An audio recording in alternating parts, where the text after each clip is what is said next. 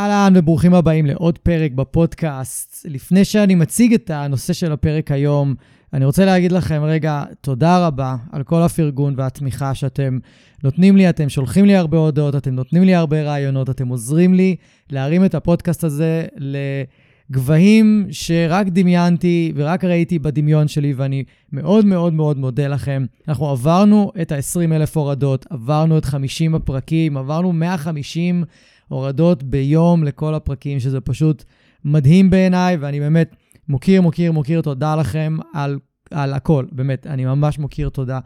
ואני רוצה להציג גם את הפרק היום. אנחנו הולכים לדבר על כלבים רגישים. מה זה בכלל כלב רגיש? למה יש כלבים רגישים?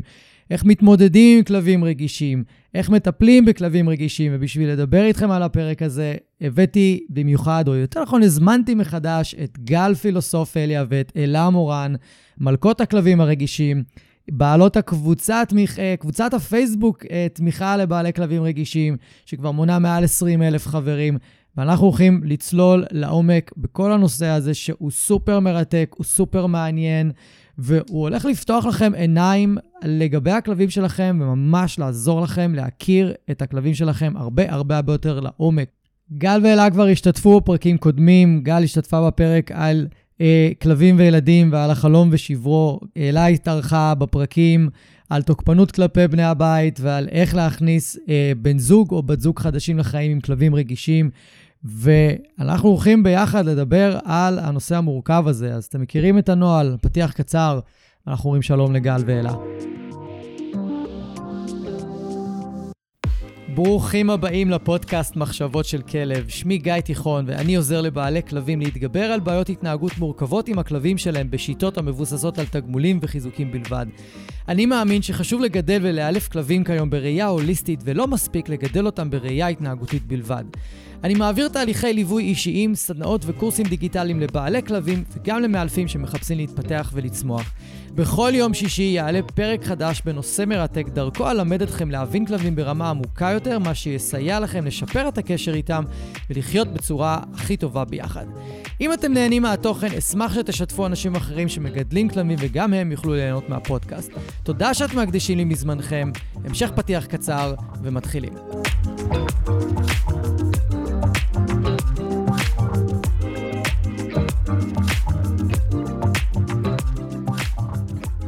אהלן גל ואלה, ברוכה הבאה. חזרה יותר נכון, ברוכים השבועות, כן. היוש. קבועות פה. מה העניינים? All good. מעולה. מעולה, מעולה. אז אנחנו היום הולכים לדבר על כלבים רגישים, מה שנקרא המלכות של הכלבים הרגישים, עם הקבוצה של קבוצת התמיכה לבעלי הכלבים הרגישים בפייסבוק, שכבר היום מונה טריליון. 23? 23. 23, מעולה. 23 אלף ליתר דיוק, כן. ועולה, עולה מאוד מהר, גם הפעילות בקבוצה ממש טובה. וואי, מלא. כן, פעילות בקבוצה מדהימה, ונראה לי זו אחת הקבוצות שאני הכי כאילו מסתכל ב... בפיד שלי וב... ועובר עליהן. אה, אז... איזה כיף.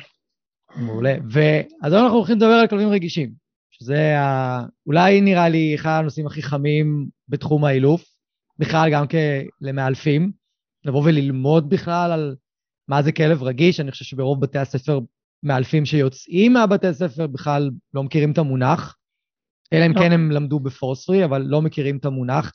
ואם הם מכירים, אז אולי הם מכירים את זה בצורה אולי לא טובה, בצורה כאילו עם אנטי לדבר הזה. ואנחנו קצת נסביר היום מהו כלב רגיש, על הדברים החשובים שצריך לדעת לגבי כלבים רגישים, ו... ונפתח ככה את הנושא הזה יותר, יותר לעומק. אז אני אשמח שנתחיל מהשאלה הכי מתבקשת, מהו כלב רגיש? אלא? אם מתחילה מי? אוקיי, אני אתחיל. אה, כלב רגיש, תכלס, אה, כאיך שאני רואה את זה, כל כלב הוא כלב רגיש.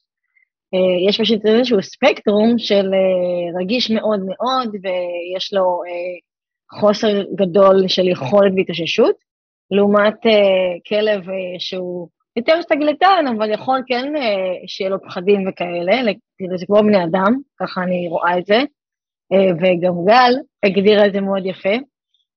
בזמנו בזום שעשינו משותף, זה בעצם כלבים שיכולת ההתאוששות שלהם וההסתגלות שלהם לסיטואציות מסוימות, הוא, היא לוקה בחסר. קשה להם, כל דבר משפיע עליהם נורא בקיצוניות, קשה להם להתאושש מזה. יש לי דוגמה ממש טובה. היה לי אתמול זום תרגול עם זוג עם כלבה מדברית, ובדרך כלל היא מאוד פעילה והיא מאוד אוהבת לעבוד, ואתמול דווקא בזום, אנחנו אומרים לתרגל עם הכלבה, אתמול היא ממש הייתה מרוסקת בכלוב שלה, שכלוב פתוח, שזה המקום שהיא, הבית שלה, כאילו, הכרית, והם סיפרו, ושאלתי, מה, קרה משהו? אז הם סיפרו שדווקא אתמול הם לקחו אותה אה, אה, באוטו אה, לגן עם הילדים, לגינה הציבורית, וישבו איתה, והיה לה קשה, והיה לה ממש אה, לא טוב, והיא רצתה לחזור. ולא, ולא רק שהיא לא אוהבת להיות באוטו, וזו הפעם הראשונה שהיא קפצה מעצמה לאוטו כדי לחזור הביתה. ואז אמרתי להם, אוקיי. זו הסיבה שעכשיו סטרס מאוד מעייף. אז כן, היא לא הצליחה להתאושש מזה. היא התעוררה אחרי שכבר נגמר התרגול. אה, אז זה בעצם משהו שמאוד מראה לנו אה, על רמת הרגישות של הכלב, כמה הוא יכול להתאושש מכל מיני אירועים וסיטואציות. גל, בטח יש לך משהו להוסיף. אה, אז אני מאוד מתחברת לעניין הזה של יכולת התאוששות, כאילו אחרי שקורה משהו, כלב ש... אוקיי, אני, סתם נגיד, אתמול היה לי גם שיעור ראשון עם איזה כלבה חדשה, וזאת כלבה שהיא חוסר חשיפה מטורף בגילי הגורות, בקושי יצאה, היא גדלה באיזה חצר, לא יצאה מהחצר, בקושי קיבלה יחס, והיא מאוד מאוד מעוררת, כאילו היא הולכת ברחוב, היא רואה אנשים, היא, היא רואה ילדים, היא כאילו נורא רוצה לגשת. מה העניין איתה? היא גולדנית, אמיתית, גולדן גולדן, והיא ממש, כל כמה רגעים, בטיול ממש, כל כמה רגעים, מתנערת, חדש, חדש, חדש. וזה לא שהיא לא רגישה, היא רגישה, כמו שאת אמרת, יפה, אלא כי כל כלב הוא רגיש באופן מסוים, אוקיי? אי אפשר להגיד על כלב שהוא לא רגיש, זה כמו שאנחנו נגיד שאדם הוא לא רגיש, או כאילו, כלב הוא לא פלקט והוא לא, אה, לא יודעת, עצם, צנצנת. לכולם יש רגשות והם כולם רגישים, אבל זה באמת איזשהו מין אה, מנעד כזה. אמ, והכלבים, ש, שיש כלבים שבאמת הרבה יותר קשה להם להתאושש. כאילו כלב אחר באותה סיטואציה, כמו שאני עכשיו תיארתי, שמטייל ורואה כל מיני דברים, רואה כל מיני גרועים, אנשים, אה, אה, ילדים, כלבים, כל מיני דברים שמפעילים אותו, והוא פשוט יכול להישאר עם הדבר הזה, יכול אחר כך לקחת את זה גם הביתה לכל מיני סיטואציות, לגמרי. אה, לטיול של מחר, זה, זה נשאר איתו, אז גם באמת העניין הזה של יכולת התאוששות. קושי במעברים, קושי במעברי מצבים, מהטיול הביתה, מהבית לטיול, אה, אה, נכנסו עכשיו אורחים הביתה, אז כמה זמן עד שהוא כאילו מסתגל לדבר הזה. באמת, הקושי המאוד מאוד גדול הזה במעברים, שכשמעברים בפני עצמם הם איזשהם הם סטרסורים. כלבים שהם, ש, שפשוט מגיב, מגיבים בעוצמה לכל מיני גירויים ש, שלכאורה לנו הם נראים טריוויאליים, אוקיי, אתה הולך ברחוב, אתה רואה פח. בסדר, פח, פח רחוב, כאילו, אוקיי, כן. יש פחים ברחוב. אבל הכלב הזה, הוא כאילו, וואי, אני זוכרת שהלכתי פעם עם אינדי, נראה לי גם סיפרתי את זה באחד הפודקאסטים, שהלכתי פעם עם אינדי והוא ראה מזוודה ברחוב. אה, נכון, מכירה. אומייגאד. אומייגאד. פאקינג מזוודה, כאילו. אבל בשבילו זה היה סוף העולם. אז באמת כלבים שכאילו חווים את, ה, את הגירויים בעוצמה... מאוד גדולה. מאוד מאוד גדולה, ואני לא רוצה להגיד לא פרופורציונלית, כי יש בזה איזשהו משהו קצת שיפוטי. מבחינתי זה לא פרופורציונלי, כי כאילו מה אתה מגיב ככה למזוודה, אבל מבחינתו זה באמת סוף העולם. נכון. כן. אני, אני, כן. אני, אני ממש מסכים. ההסבר שלי ההסבר שלי הכי עזר להבין את הנושא של כלבים רגישים היה, זה היה משהו שאת אמרת לגבי איך הכלב מגיב לסביבה שלו.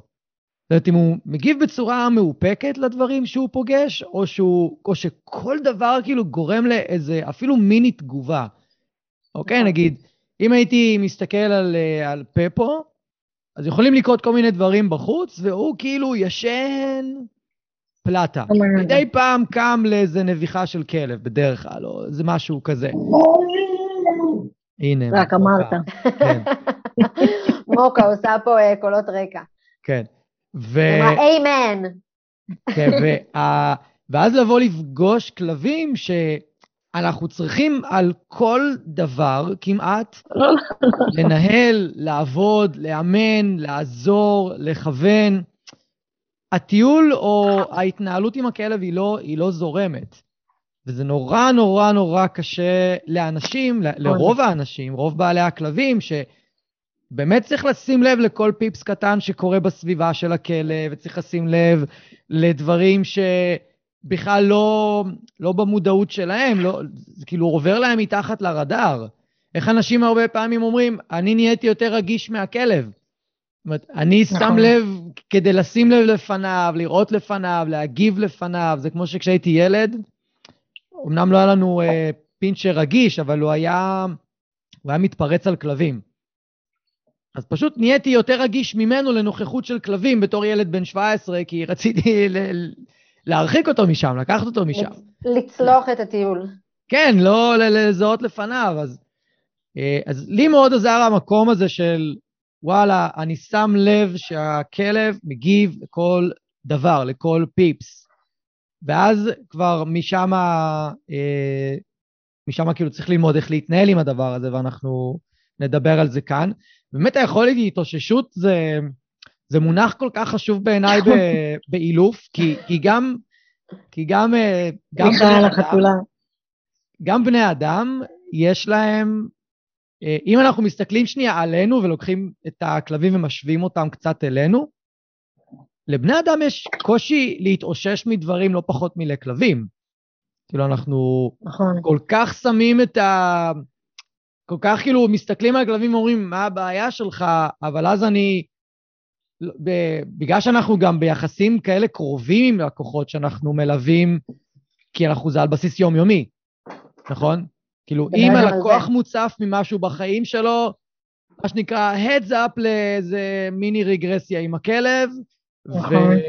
ואז כאילו הרבה פעמים נורא קל להראות לאנשים, הנה, אבל לך היה קשה להתאושש מהדבר הזה, ואתה לא, או את, לא, לא רגישים כמו הכלב שלכם, ולכם היה קשה, אז כאילו, אם הכלב כזה רגיש ויש לו קושי, אז זה משפיע עליו עוד יותר, אז הנקודה הזו של יכולת התאוששות בעיניי נורא חשובה. ואז גם לשנייה לשים את עצמנו במקום הכלב, ולשאול את עצמנו, רגע, איך אני מגיב בסיטואציות כאלה? כדי להבין את הכלב יותר טוב, את המקום הרגשי שלו. אני יכולה להגיד לך על עצמי שלפעמים אינטראקציות עם אנשים, באמת, סיפור אמיתי, חשיפה, אינטראקציות עם אנשים הן לפעמים מאוד מאוד קשות לי. Mm-hmm. ו... וזה גם משהו שלמדתי על עצמי, שלפעמים אחרי שאני מנהלת איזושהי שיחה, אה, אני ממש, אני כאילו לפעמים מנתקת את, את הטלפון ואני רגע, אני לא מסוגלת עכשיו לעשות שום דבר אחר. כן. אני רגע צריכה כאילו שנייה לשבת רגע על הספה שנייה, רגע ל... לוקח לי הרבה זמן, כאילו, להתאושש מה, מהאינטראקציה הזאת, ואני אה, אישה גדולה. כאילו, רציונלית, אני, אני, אני מבינה את הסיטואציה, אני מבינה את הסביבה שלי, אז תחשבו מה חווה כלב כזה ש, שכאילו, הרציונל שם הוא, הוא יותר... אה, כמעט ולא קיים.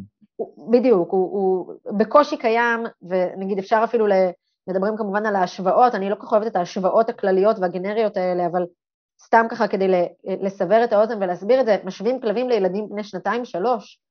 תחשבו על ילד בן שנתיים-שלוש, עד כמה הוא מבין את הסביבה ואת הסיטואציה, וזה די מקביל. והעניין נכון. הזה של יכולת התאוששות זה גם מאוד, הרבה פעמים הכלבים הרגישים האלה שאנחנו מדברים עליהם, הם חווים סטרס כרוני. בגלל הלקות הזאת ביכולת שלהם להתאושש, בעצם, בדיוק, הסטרס נדבק לעוד סטרס ולעוד סטרס ומצטבר ומצטבר ומצטבר, ואני זוכרת, אני עם אינדי שלי, שלא יודעת באיזה שלב אנחנו נדבר עליו או, או כזה, אבל שהוא, שהוא סבל מזה, אני חושבת שכשהוא היה בן שלוש, אני נתקלתי לראשונה אה, במונח הזה סטרס כרוני בהקשר של כלבים, mm-hmm. וזה היה כאילו בם בם בם בם בם בם, כאילו. כל האסימונים נופלים. אה, כן. אז זה מה שיש לך, זאת הבעיה שלך. אתה פשוט כל הזמן בסטרס. כן. עכשיו הכל ברור. אז כאילו, כשאין את היכולת התאוששות הזאת, אין יכולת הזאת. לעשות את החדש, חדש, חדש, והדברים מצטברים ומשפיעים כל הזמן על, ה... על היום-יום של הכלב ועל עוד סיטואציות ועוד סיטואציות, אז אנחנו מקבלים כלב רגיש מאוד. נכון. אה, אה פשוט ישבה. רגע, זה... מדי פעם יהיו... כן, מדי פעם יהיו פה חיות. כן, למי אה, שרואה ביוטיוב, כן. כן. את רוצה להוסיף משהו? אצלי זה היה, כן, אני, יגאל סיפרה על, עצמה, על הסיטואציות מול אנשים, אני דווקא שם פחות אה, בבעיה, אבל אני מודה שבתקופה הראשונה עם מוקה, הייתי מאוד uh, באפס סבלנות, גם לאלה שלא תמכו בי וגם לאנשים ברחוב, כאילו הייתי הרבה יותר קיצונית ממה שאני היום, וגם היום אני לא איזה שיא הסבלנות, כשאני רואה דברים שלא לרוחי. Uh, אז, uh, אז אני לא, אני לא יודעת להגיד בדיוק איך זה משפיע עליי באחר כך, אבל uh, אני כן זוכרת את הפעם הראשונה שנתקלתי בזה, שכולם אמרו לי בגינה, מבין, קחי אותה לטיולים ארוכים, שעתיים בפארק וזה, פרקי לה אנרגיה ותהיה סבבה בבית. קרה בדיוק הפוך. לקחתי אותה, גבעת נפוליאון, מה זה טיולים של החיים, הכלבה הייתה, וחזרה מותשת. אבל אני לא יכולתי לעשות בבית. מותשת, עצבנית, כאילו, מה זה, כל ה... את לא יכולת לזוז כי... כי חכי, את לוקחת אותי לשעתיים. כי אימא עלייך. כן, כי אימא עליי. תסבירי את זה. זה נורא עצבנית וחרדתית, כאילו כל ההתנהגות, הרגש החרדה שלה היה הרבה יותר גדול, כי היא פשוט צברה כל כך הרבה סטרס מהטיולים. כן. זה היה פשוט... אה, כן. אז היום אני אומרת, הפוך, מקצרים את הטיולים. בדיוק, זה, זה כל כך mind uh, blowing, כאילו מעיף לאנשים את המוח שאנחנו באים, שואלים אותם, תגידו, איזה טיולים אתם עושים? לאן אתם מטיילים? כמה זמן הטיול? יוצאים איתם החוצה, בדיוק. רואים את השפת גוף הלחוצה של הכלב, כל כלב יהיה לחוץ במידה אחרת, ואנחנו אומרים להם, תקשיבו, מהיום אתם צריכים לקצר את הטיולים, לא אצל כולם כמובן, כן? נכון. אצל חלק נגיד אתם צריכים לקצר את הטיול, או אתם צריכים לטייל במקומות אחרים לגמרי. Mm-hmm. טיולים שקטים, רחובות שקטים, אתם לא, בכלל לא מטיילים במקומות הנכונים. ואתם צריכים לטייל בקצב של הכלב, לתת לו להריח, לא ללחוץ עליו להתקדם, לא זה, ו- וכאילו הם, בראש של בעלי כלבים, הכניסו כל כך כל כך חזק נכון. את מאלפים, ותוכניות טלוויזיה שעד היום דוחפות את ה...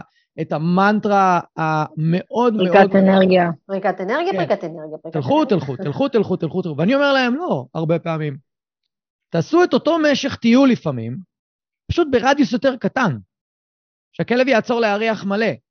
מבחינתי תקיפו את הבניין במשך חצי שעה. יש גם לא כאלה שפשוט לא מריחים מרוב שהם בלחץ. נכון. כן. זה, נכון. זה ממש מה שהיה לי אתמול עם הכלבה הזאת, שממש, זה מה שעבדנו עליו, כאילו אבחון, לקחתי אותם לדשא, נכון. תנו לה לרחרח.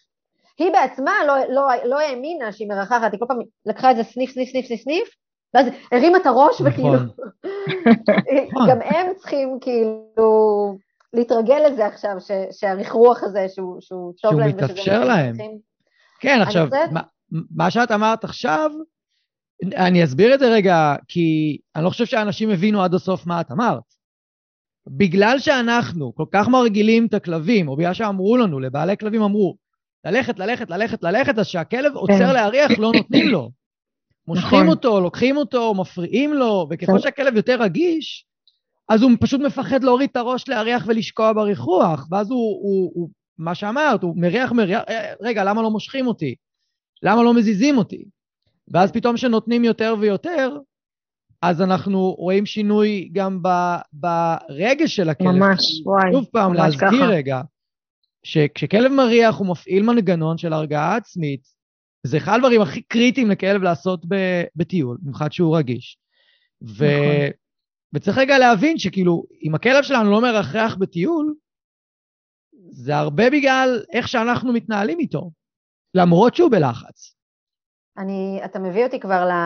גם הפריקת אנרגיה הזאת שדיברנו עליה, אה, זה ככה באמת מביא אותי גם לעוד איזה דבר שרציתי לדבר עליו, וזה העניין הזה של אה, ניהול יתר לעומת לתת לכלב להיות כלב. או-אה. נכון, וואי.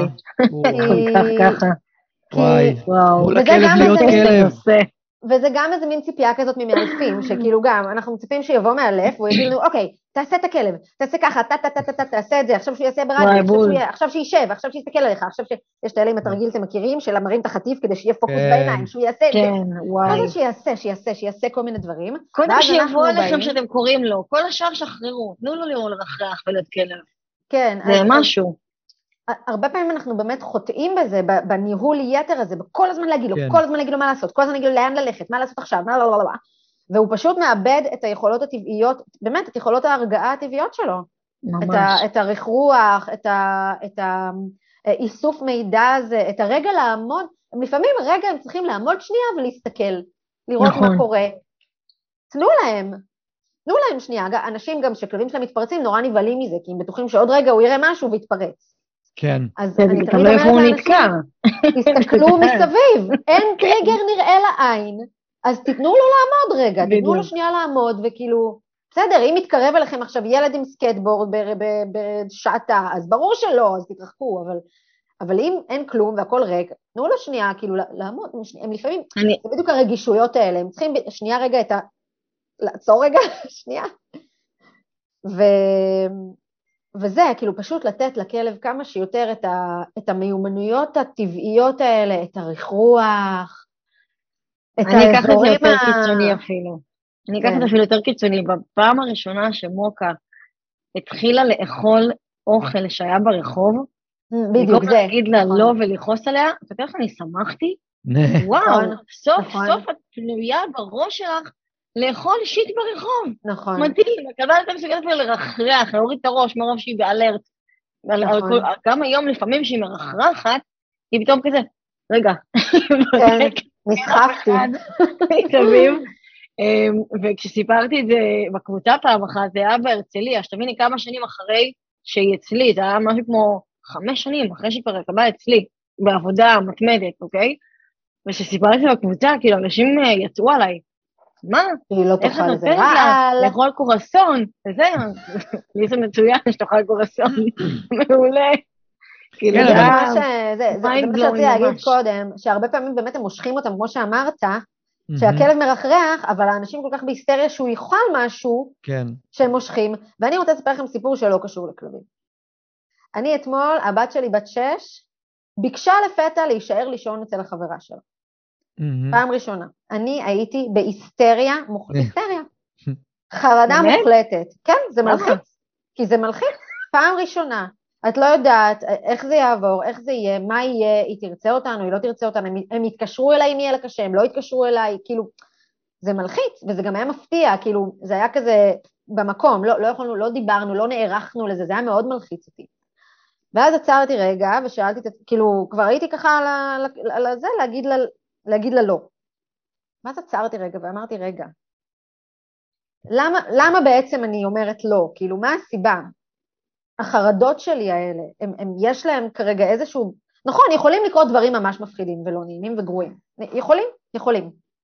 יכול להיות שמוקה, אה, שהיא תיפול על אה, לחמניה עם רעל. נכון, זה נכון. אני לא אומרת שצריך לזלזל בזה. וואי, לא חשבתי על זה אפילו. באותו רגע.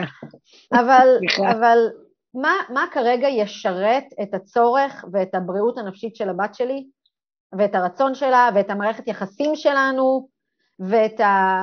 כאילו, יכול מאוד להיות שהחוויה הזאת דווקא מאוד מאוד תצמיח אותה ותעצים אותה, ו... והרבה פעמים אנחנו נופלים גם עם הכלבים לחרדות האלה שלנו, לא, שהוא לא יעשה ככה, שהוא כן יעשה ככה, שלא יקרה לו זה. זה באמת מפחיד, יכולים לקרות דברים לא נעימים, אני לא חושבת שצריך לנהוג בחוסר אחריות.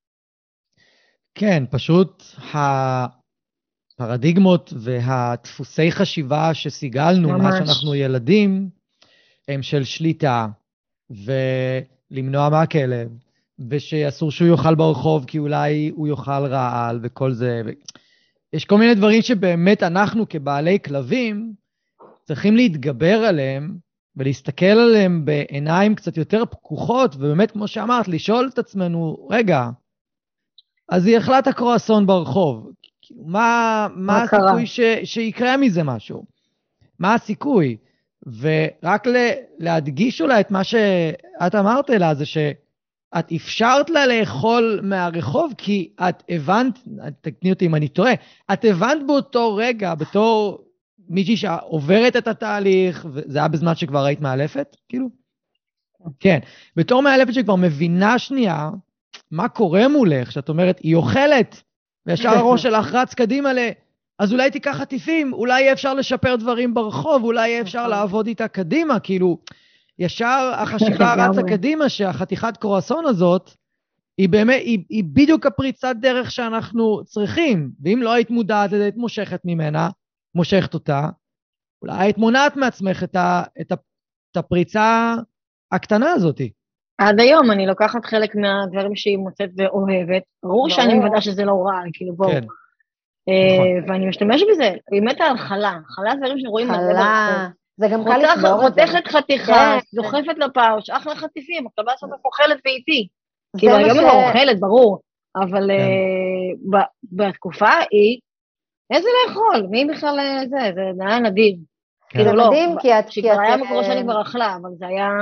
היא עדיין לא הייתה בשלב, כאילו זה שהיא אפשרה לעצמה עכשיו רגע כמה דקות לנשנש משהו, זה היה וואו, כי היא כן אכלה וזה, אבל פתאום היא עוצרת ברחוב, זה היה אפילו במדרכה, זה לא היה באיזה אזור צדדי, אני כמובן שהסתכלתי וזה שלא עובר לי איזה מישהו, אבל זה מטורף. כאילו, השינוי כן. שהיא עשתה בהרצליה היה, כבר ברמות השבים היה מאוד קיצוני, אבל אה, ברמות השבים זה פשוט מושב שאין בו הרבה עניינים, אבל הרצליה היה שם פריצת דרך מטורפת. אז אני רוצה רגע שנקפוץ ונדבר על, תכלס, על, על האתגרים שלנו כבני אדם. לגדל כלב רגיש. ואנחנו דיברנו לפני על כמה, על כמה אתגרים. אז מה מבחינתכן כרגע אה, האתגר הכי גדול שאתן נתקלות בו כשאנשים מדברים עליו, בעלי כלבים מדברים עליו? אה, אני חושבת שהדבר, כאילו יש שני דברים, שאחד זה הציפיות הלא ממומשות מהכלב, mm-hmm. או, או גם הפער המאוד גדול בין ה, מה שאנחנו רוצים להשיג עם הכלב, מה שאנחנו כן. רוצים שהכלב יהיה, לבין מה שהכלב הזה כרגע, מסוגל. או משהו מסוגל כרגע, או כאילו באמת הפער הזה מייצר המון המון תסכול, זה אחד. ואגב, רגע, להזכיר שאת ואני עשינו על זה פרק שלם. נכון. על, על החלום ושברו, אז כאילו, מי שרוצה להרחיב על זה הרבה יותר ודרכי התמודדות, אז פשוט לחזור לפרק הזה, פרק גם מעולה. לחזור לפרק, וגם אני אה, אספר, לא יודעת אם זה בסדר לספר, אני עושה עכשיו אה, פעילות אה, חינמית שנקראת Sensitive Love, שאנחנו בעצם מדברים על הדברים האלה, כאילו, כמעט לא מדברים על כלבים, כאילו מדברים, mm-hmm. אבל זה לא, זה לא mm-hmm. הכלב ולא האילוף, אלא זה באמת יותר כל מיני פרקטיקות ו- ודברים שאנחנו אה, יכולים לעשות עם עצמנו כדי אה, להרגיש יותר טוב בתוך התהליך חיים הזה של גידול כלב רגיש. הפעילות כרגע רצה, אבל אני מאמינה שאולי יהיו עוד כאלה בעתיד, כי בסך הכל אני נהנית וגם נראה שיוצאים שם דברים טובים, אז... אה, מעולה. מעולה. כן. אחלה, ואתם הזכרתם גם את הנושא של החרדה של בעלי כלבים. כן, החרדה וגם... פשוט בחרדה מתמדת מלצאת לטיולים, מלהסתובב בבית, או... לפני החרדה, לפני החרדה היה עוד משהו שרציתי להעלות, אה, גם היה לי זוג אה, מקסים שבאמת אה, זה צף, יח... זה צף אצלם. ברגע שנכנסים לתהליך של האילוף, אז הם כאילו באופן לא מודע חושבים שהם כל הזמן צריכים עכשיו להיות בעבודה ולהכין את זה כן. ולעשות את זה, ואז זה הגיע למצב שפתאום לקוחה כתבה לי מגילה וקבענו שיחה, כי ראיתי שזה משהו מאוד uh, קשה, והיא אמרה לי שהיא בהפסד כוחות, היא חושבת על למסור את הכלב, היא זה, היא אומרת, מה, כאילו, אני, אני כל הזמן צריכה להיות בעבודה, רגע, הרגעתי אותה שנייה, זה בסדר לקחת חופש שנייה mm. מהכלב, לשים אותו בפתאום, זה קשה. וגם לפעמים, גם כשאתם בתהליך, לשחרר רגע, לא זה כל הזמן לעבוד, אפשר ללכת רגע לפארק, רצועה ארוכה, תנו לו להיות כלב. כאילו, יש איזשהו אה, חשש נורא גדול מעבודה בלתי נגמרת. אז זה לא עבודה, אני קוראת לזה ניהול יותר. Mm-hmm. ואז באמת כשאנחנו במקום כזה, אנחנו גם, מן הסתם, כל החרדות גם צפות, של מה יהיה אם אני לא אנהל עכשיו, מה יהיה מגרזה, האם אפשר כן ללכת מחוץ לסביבת הבית, או כאלה דברים, כאילו, כן, יש המון חרדות. סביב, אני זוכרת את עצמי, עזבו לקוחות, כאילו, אני הייתי ב... הייתי, הייתי משלמת לדוג ווקר שייקח אותה בשעה שאני לא הייתי מסוגלת, לא כי לא הייתי בבית, כי פשוט הייתי מפחדת מהסיטואציה. שעה חמש בערב, אה, גבול רמת גן בני ברק, לצאת החוצה עם כלבה כמו מוקה. זה פחד אלוהים. Mm-hmm. שם גם באותה שכונה גם היה הטריגר האחרון שג, ש, שקרה ואמרתי, האירוע האחרון שקרה ואמרתי, זהו, אני לא נשארת ברמת גן, או בכלל באיזושהי עיר, אמ, ועזבתי, אבל אה, הקטע הזה של כל הזמן, מה, מה יקרה? מה יקרה כשנהיה? מה יקרה כשיהיה ילדים? זה עולה הרבה, הסיפור של הילדים עולה הרבה. נכון. כן. זאת, זאת החרדה, והאמת היא שאני גם רואה הרבה, הקטע הזה של הילדים, כשיהיו לי ילדים, אני הרבה פעמים רואה את זה, אפילו במקרים ש... לא יודעת, מאנשים מאוד מאוד צעירים, שכאילו ילדים זה אפילו לא... נכון. זה משהו ממש כאילו ארטילאי בעתיד, כאילו, זה לא משהו שקורה מחר. כן. נכון, לגמרי. אבל אנשים ממש, זה ממש מכניס אותם לחרדות. מוטרדים מזה. אז מה, איך, איך הם יכולים להתמודד עם החרדה הזאת? דבר ראשון, אני אומרת שחכו רגע. אני, לפעמים כשאני אומרת את הדעה שלי על מה נראה, איך נראה לי שהכלב מתנהג איתי עם ילד, זה מרגיע, mm-hmm. וכשאני יודעת שהמצב הוא יותר קשוח, אז אני אומרת מראש, כן, יכול להיות שצריך ניהול יותר קפדני, ויכול להיות שצריך גם כמובן איזשהו תיחום, ואני רגע עושה איזושהי צפירת הרגעה לשנייה רגע, בואו בוא, בוא נתחיל ממה שכרגע יש, זה כן יכול להתקדם אה, קדימה, אה, ודווקא הרבה פעמים אני מגלה שכשמגיע כבר התינוק, יש להם הפתעות טובות. נכון. פתאום אני מקבלת איזו הודעה, וואו, תקשיבי, אתה ממש טובה עם האורחים. וואלה, כאילו, מגניב. אמ, ותמיד בהתחלה יש איזושהי, אה, לא רגרסיה, סוג של משבר, כי זה גם חדש נורא לכלב. זה התרגלות למצב חדש, לכולם, לכל הבית. נכון, אז אני פשוט עושים הכנה מנטלית. לפני זה, לפני שזה באמת מגיע, אבל אם אנחנו נורא רחוקים משם, אז אני רגע אומרת, בואו שנייה נתמקד בכרגע מה שיש לפני שיש תינוק, נשפר את זה, ושלב התינוק יהיה כבר יותר קל, כי אני גם רואה את זה על לקוחות שהם uh, מגיעים כבר לשלב של סוף תהליך, או לפני איזשהו uh, משהו חדש בחיים שלהם, ההבנה שלהם את הכלב היא אחרת לגמרי, זה כאילו, נכון. הם מבינים את הכלב כמוני, וזה מה שמאוד חשוב אם יש לך כלב רגיש בבית.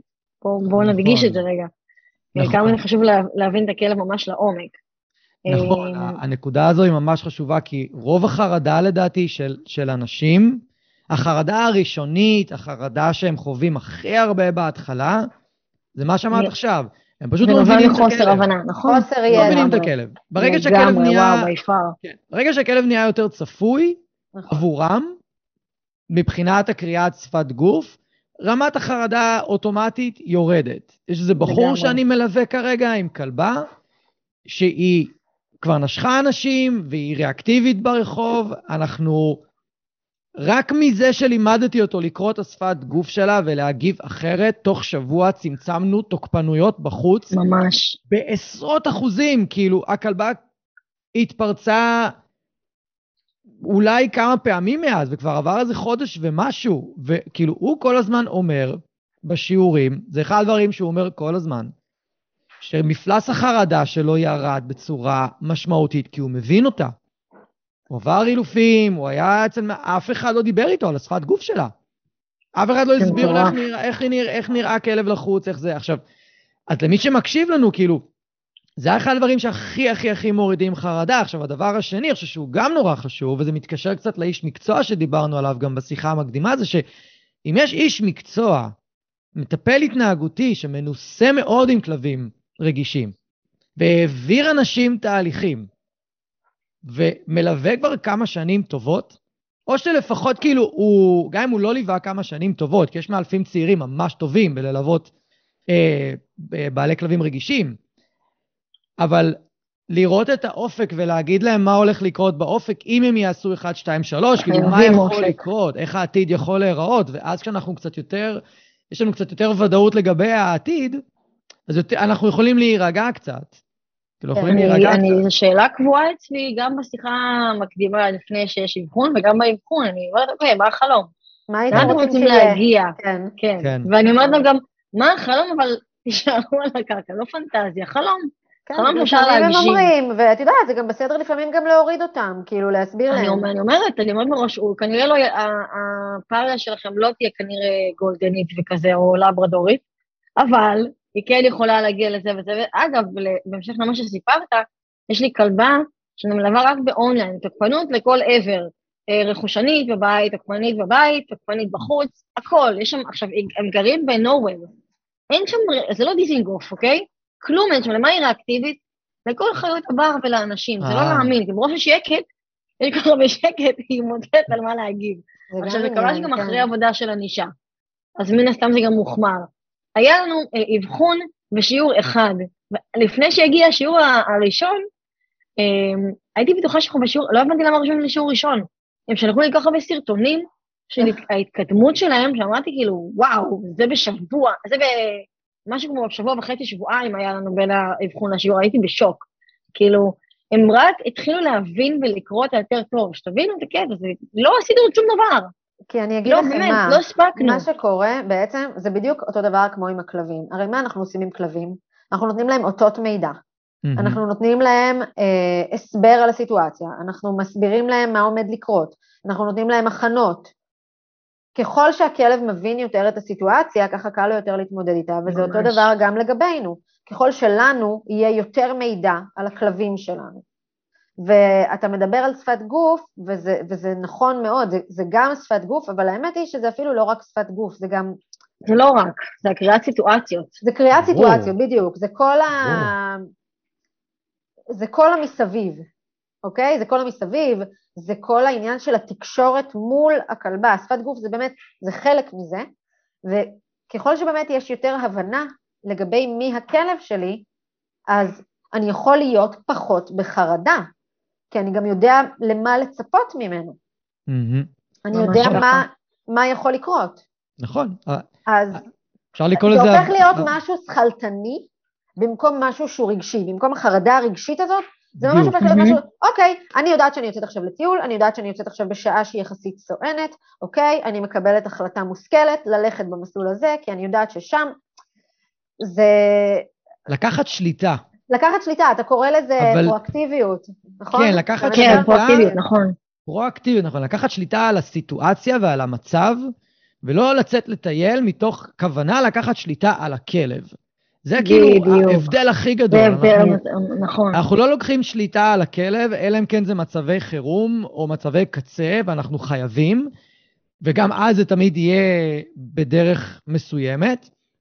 אנחנו לא נחפש לשלוט בכלב בסיטואציות כאלה, כי אנחנו פשוט כבר, מאלפים כמונו, מטפלים כמונו, כבר יצאו מה, מהאשליה הזאת, שאנחנו יכולים באמת לשלוט בכלב. שכאילו אנחנו באמת יכולים לשלוט בכל דבר, אנחנו לא יכולים... אנחנו לא מחפשים את זה, אני חושבת. לא, כבר עזבנו את האשליה הזאת. כן, זה לא... אני, זהו, ואני עוד אה, רוצה לחדד עוד איזה נקודה שהעלית. את דיברת על זה שאנחנו מבינים את הכלב ב, ברמה הרגשית שלו, והזכרתם את זה כל, בעוד כל מיני נקודות, אז אני רוצה רגע לחבר את זה לאיזה נקודה שלי גם היא מאוד מאוד עוזרת, גם להעביר איזשהו רעיון לאנשים שיש להם כלבים רגישים. אני הרבה פעמים מסביר להם שהגידול שה, של כלב רגיש הוא לא טכני. זה לא עכשיו לא. אילוף של שב ארצה ו- ותרגילים, ובואו נעשה מלא תרגילים. אי אפשר הרבה פעמים. הרבה פעמים כלבים רגישים אחרי עשר דקות תרגול, סשן זהו. רצוף, זהו, גמרנו, ביי. עשר דקות? עשר דקות, אם אתה מגיע... אם אתה מגיע לעשר דקות, וואו.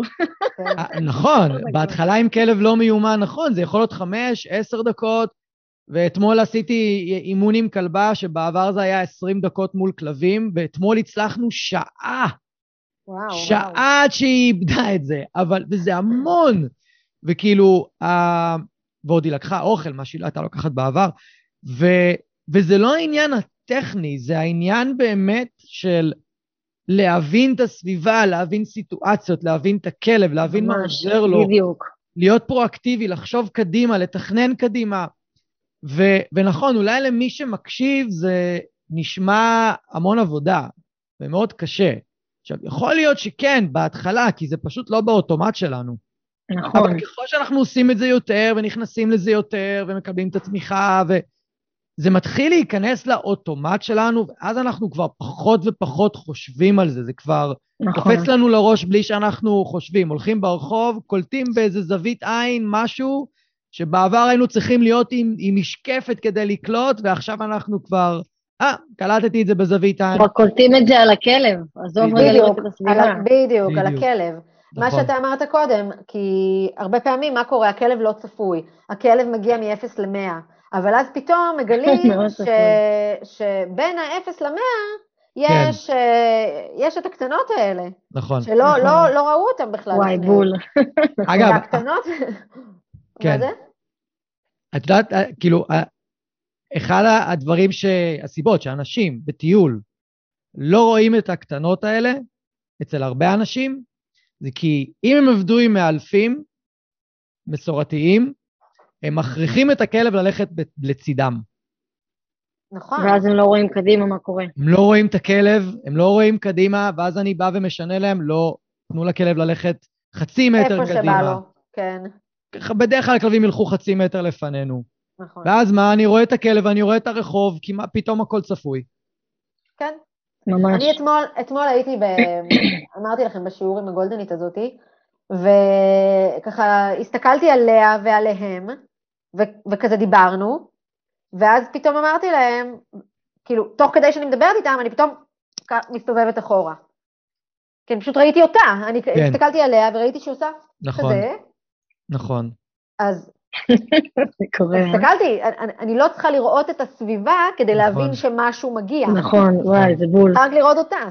נכון. אני, אני אוהבת uh, לשים את זה באיזושהי תבנית uh, של, uh, אנחנו לומדים קודם כל את, ה, את התקשורת והכלים, ואז אנחנו מתחילים להטמיע ול, ולהבין ביחד את הסיטואציות, ואז עד שכבר התהליך נגמר, כבר, כבר הם לומדים, מכירים את הסיטואציה, אני אפילו עושה להם מין מבחנים כאלה בשיעורים כדי לראות כמה הם, אוקיי, עברנו את, את האירוע הזה, מה היינו הולכים לעשות אחרת, לעשות איזושהי השגה מסקנות, ואז לפעם הבאה כבר הם יודעים מה לעשות. כי ברור שבהתחלה אני מדריכה אותם, אבל אה, הקטע הזה של להטמיע את מה שכבר אה, למדנו ביחד בתהליך, ולא רק לבד, הוא מאוד מאוד חשוב, כאילו קריטי. כן. לזה שהם אחר כך יסדרו בהמשך, ואז פתאום, תוך כדי הם מגלים, וואי, הצלחנו, כאילו, וואו, זה לא...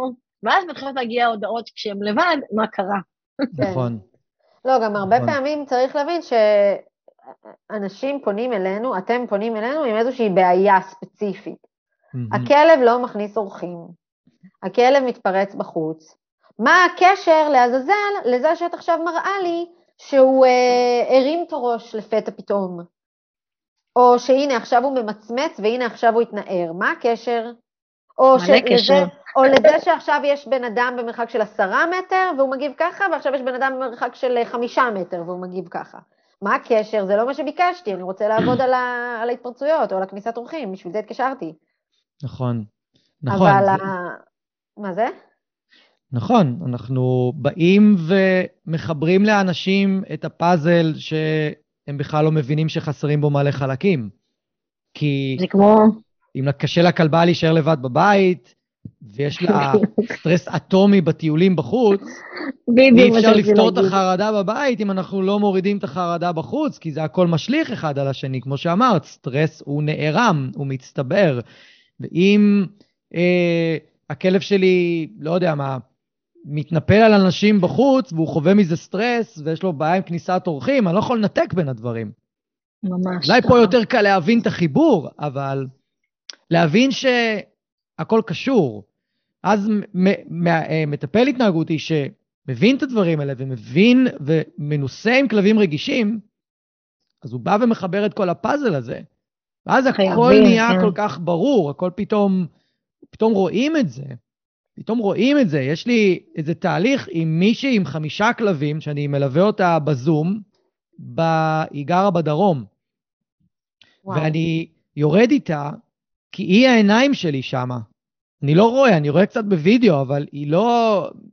אני לא רואה את הכלבים כמו שאני... ו... ומפענח את ההתנהגות שלהם. אז בהתחלה, בהתחלה, כל מה שעבדנו עליו היה לפענח שפת גוף כלבית לרמת המיקרו. ממש. הרבה יותר מאשר אם אני, אם אני מדריך מישהו ב, ב, באחד על אחד, בפנים מול פנים. והיא היום, בזכות זה שהיא יודעת לקרוא את הסיטואציות האלה, היא כבר לבד באמת מחברת את, ה, את הפאזלים של, של למה הם הגיבו ככה ולמה, והיא כותבת לי, וזה מדהים לראות את זה. זה פשוט מדהים לראות את זה. אז אם הכלב שלכם לא צפוי עבורכם, זה כי עדיין לא חיברתם את הפאזל. זה כי יש משהו שאתם מפספסים. כן. לא מדברים על מצבי לי... חירום שפתאום משהו נכון, קורה. נכון. לא מדברים על כאלה. על השוטף. מדברים על סיטואציות ש... ש... שהיה אפשר לזהות אותה מראש. הזכרת חרדת נטישה, ושם זה הכי כאילו, אה, אני לא מפסיקה לחפור על זה, שהסטרס הכללי צריך להפחית אותו בשלבים נכון. הראשונים, בטח כדי שהוא יצליח ללמוד אה, לפחות אפילו את העזיבה. ואז אה, התחלתי לעבוד עם זוג גם אונליין, אין להם יכולת לשום סידור לכלב, סבבה. ראיתי שהיכולת רגיעה שלו היא די מהירה אחרי העזיבה, סבבה, לא, לא, לא מההארדקור, אוקיי? ואז יום אחד אני מקבלת טלפון חירום, הכלב עשה fucking חור, וזה כלב קטן, כמו רב פינצ'ר, כן? עשה חור מטורף בקיר, ממש, אבל חור של רועה גרמני לפחות, לא משהו שכלב קטן יעשה. ואז אמרתי להם ככה, אין מצב שלא היה משהו חריג בבית. תתחילו לחשוב, תשאלו את השכנים מה היה כשלא הייתם, כי הם לא כל הזמן על המצלמה מן הסתם. Mm-hmm.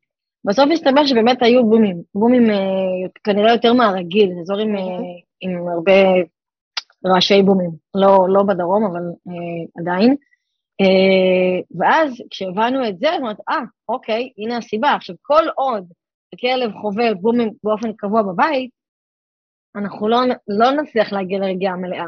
נכון. אז מן הסתם היינו צריכים להעלות יותר משהו להפחדת סס, כי לא הצלחנו לתת שום סידור אחר. כן. אבל ברגע שהוא אה, טיפה הסטרס יורד והוא מטופל אה, תרופתית, אז וואלה, הוא מצליח להירגע יותר מהר. וללמוד גם, עזבו את הרגיעה, הוא מצליח ללמוד את כל הטקס הזה מסביב. שזה מה שמדהים, זה כאילו אה, עצוב, עצוב, כאילו, זה מבאס לפעמים שכוח מהר צריך להגיע לתרופות, אבל לפעמים אין לנו ברירה, כי אין לנו אופציה אחרת. אני לא יכולה כל אחד להגיד לו, טוב, תעבור דירה. זה לא באמת עובד ככה. כן, גם יש פה איזושהי בעיניי אה, אחריות מקצועית, שאם אנחנו מזהים מקרה די מורכב וחמור, אז לא עכשיו לבוא ולעשות כל מיני ניסיונות, והרי גם ככה האנשים, בעלי כלבים חווים קושי נורא גדול, והזכרנו את החרדה שלהם, ואת הפחד לצאת מהבית וזה. אז כן, זה האמת שגם הכלבים, שלנו... אתה יודע, אני גם הרבה פעמים אומרת לעצמי, הכלב מסכן. נכון, נכון, לגמרי. יש משהו שיכול עכשיו לעזור לו, להקל לגמרי. עליו? לגמרי, אני ממש, ממש איתכן בעניין הזה. אמ, נוגה עברה פה על המחשב, כמעט סגרה את השידור. ראינו. טוב, חתול זה נשאר חתול. וואי, זה משהו, כן, הסיפור של ה... לא יודעת אם גיא יודע, לפני אה, שבוע, החתולה. שפכה לי מים על המק החדש. וואי. אה. למחשב שלום, כן, אנחנו מדברים ממנו, אבל זה היה... הפעם הכלבה הייתה בסדר. כל הכבוד לאפל. זה לא הכלבה. כן, בדיוק. מגניב, אז אוקיי, אז אני שנייה... זה הסיבה שקוראים אפל. אז אני שנייה רגע עושה איזה מיני סיכום קטן, אז אנחנו דיברנו פה על ה... שצריך לשים לב על הסטרס הכרוני, הסטרס המצטבר של כלבים. לשים לב באמת למה גורם לבעלי כלבים להרגיש חרדה סביב הכלב הרגיש שלהם, ולהתחיל לחפש מה, את הדברים שעוזרים להם. ותכף נדבר על הדברים שעוזרים, אבל להתחיל לחפש את הדברים שעוזרים, להבין כאילו שזה פקטור משמעותי ולחפש עזרה, ויותר להשקיע בצד של להבין את הכלב. זה לא אומר לשים בצד... פתרון הבעיות. כן, זה לא אומר בהכרח לשים בצד את ה... את אם אתם רוצים ללמד טריקים או התנהגויות בסיסיות, וזה בזמנכם החופשי, סבבה, אבל אם אתם כבר השקעתם כסף, נכנסתם לתהליך, אתם משלמים למטפל, אז העיקר כאן זה לא הצד הטכני של האילוף, העיקר כאן זה לבוא ולהבין את הסיטואציות, את הכלב, לפתח את הראייה המרחבית הזאת, לראות את כל הפאזל, לחבר את החלקים בצורה נכונה, כדי שפשוט יהיה יותר קל. כאילו, מניסיוני זה הדבר שהכי מפחית חרדה בטווח הארוך. אז עכשיו נראה לי הכי טוב לדבר על מה... אני יכולה להוסיף משהו לסיכום שלך רגע? אה, בטח. אמ, זה קורה פשוט הרבה. התנהגויות חריגות, גם אם הן קטנות, תבינו שמשהו עבר על הכלב. זה לא פתאום הכלב נהם, פתאום הכלב חשף שיניים, פתאום הכלב עשה חור בקיר. זה לא פתאום, אין פתאום. נכון. אז uh, להבין שאוקיי, זה משהו שקרה, אני קודם כל לא כועסת על הכלב, אני רגע מנסה להבין, לחזור אחורה מה היה בשבוע האחרון, ביומיים האחרונים, בשעות האחרונות, זה יכול להיות גם לפעמים, כמה שזה יהיה כאילו אה, פצצה, לא קשור לכלב, אלא אליכם. כאילו, אתם פתאום עכשיו פיטרו אתכם מהעבודה, אתם בסטרס נוראי, הכלב יכול להגיב לזה. להיות פתאום כן. בעצמו להעלות את, ה, את הסטרס שלו, כי הוא מרגיש אתכם. אז זה לא כן. אומר שאנחנו לא נהיה בסטרס, אבל כן רגע להבין את הסיטואציה, ייתן לכם יותר ביטחון איך לנהל אותה אחרת. כן, העלית פה נקודה מאוד מאוד uh, מאתגרת לאנשים לראות, כי אנשים לא לוקחים בחשבון שכשהם מדוכאים, השפת גוף שלהם היא שונה, כשהם שמחים, השפת גוף שלהם שונה, כשהם כועסים, השפת גוף שלהם שונה. אני מתארת שאפילו מפרישים, רג... מפרישים כל מיני ריחות. מפרישים ריחות. הריון, למשל, הריון. ריב, ריב בין בני זוג. ריב, בטח. אצלנו, אם אני וחזי רבים, אני יודעת שאני לא יכולה לצאת מהבית, כי פיט לא ייתן לי. כן. כאילו, הוא בלחץ מטורף. זהו, אז אני, אני רוצה וואו. רגע לחבר את זה למה שגל אמרה בהתחלה, שאם אנחנו עוברים שינויים כאלה, והכלב שלנו כל כך רגיש לשינויים, והוא גם יהיה מאוד מאוד טוב בלזהות שינויים. כי זה... זה הלחם והחמאה שלו, זה מה שנותן בדיוק. לו, זה הוודאות הזאת, זה מה שנותן בדיוק, לו, כאילו, נכון. נאחז בזה. בדיוק, ו- והרבה פעמים, במיוחד בקורונה, שאנשים בילו יותר זמן עם הכלב שלהם, דווקא כמות התוקפנות של כלבים לאנשים בתוך הבית עלתה, כאילו, וזה כזה, כזה מוזר להרבה בעלי כלבים. נכון. מה, אבל אני בבית עם הכלב יותר זמן. אולי הוא לא רצה מלכתחילה שתהיה הרבה בבית, היה לו טוב. אולי האינטראקציות לו נחמד שאתה לא בבית. הרבה קוצי מוצי. רגע, רגע, גל, תתחילי מההתחלה. לא, אני אומרת שאולי האינטראקציות בעייתיות, אז... אה, כן. אז זה יכול להשפיע על ההתנהגות של הכלב. אה, וגם, שנייה רגע לנקודה שאמרתי, אז כל שינוי בשפת גוף שלכם, בגלל המצב הרגשי שלכם, יגרום לכלב שלכם להתנהג אחרת. ממש ככה. נכון. אבל חשוב להדגיש שזה לא שיש לכם תמיד משהו לעשות, אנחנו לא מצפים מהבעלים להיות נכון, משהו אחר. נכון. תמשיכו להיות בני אדם, זה בסדר, אבל רגע להבין שהיה כאן איזשהו קושי, זה כמו לפני כמה שנים שאימא שלי נכנסה לבית חולים אה, במפתיע. איך שבאתי לצאת עם הכלבה לטיול, אז קיבלתי את ההודעה הזאת, והכלבה כנראה הרגישה את זה, כבר התחילה לעלות מתח, ועד שהגיעו אה, אחותי והבן זוג שלה, בזמנו, היא עשתה לו אה, ביס רציני. היה שם עוד טריגר, אבל טריגר שהיה אולי יכול לעבור, אה, זאת הנשיכה הכי קשה שאי פעם היא עשתה למישהו, אגב. וזה גם ממש, כאילו, מה שהיה סוג של תגובה אליי, כן. מטורף. כן. אז זהו, זו נקודה חשובה להבין שאנחנו לא... אין לנו שליטה על הכל, אבל רגע, כשאנחנו מבינים את הסיטואציה, יותר קל לנו אחר כך להבין אחר כך איך להתמודד עם זה. כן, וגם להסתכל על, על, ה, על החיים בצורה קצת יותר אה, חומלת לגבי הכלב.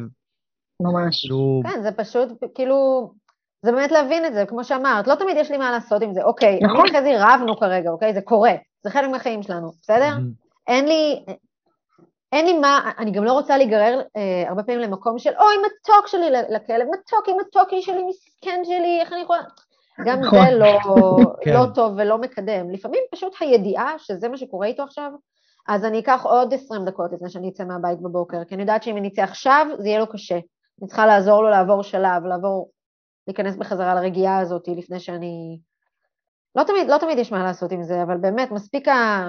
מספיקה ההבנה הזאת, והאמת שאני גם רציתי להוסיף לסיכום שלך בדיוק את זה, כי אנחנו לומדים לקרוא סיטואציות גם כדי לנהל אותן עכשיו, נקודתית, וכדי להשיג את התוצאות שאנחנו רוצים, וגם כי בסופו של דבר המטרה זה שה... שהחיה הזאת תישאר איתנו במשך תקופת חיים. זה לא עכשיו החודשיים של התהליך חילוף או משהו כזה. הוא אמור לחיות פה למשך 10-15 אה, שנה, ו...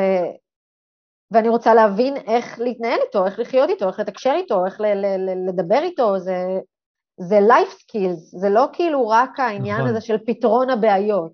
נכון. זה ממש גם, ככה. אבל זה... life skills, רעיון. נכון. ו- אבל למה, למה חשוב שאנחנו כל כך נדע לנהל סיטואציות גם לטווח הארוך? כאילו, מה האפקט של זה לטווח הארוך על הכלב? רוגע מתמשך. רוגע, יכולת התאוששות יותר מהירה. ביטחון בנו, במערכת יחסים בנו. שלנו.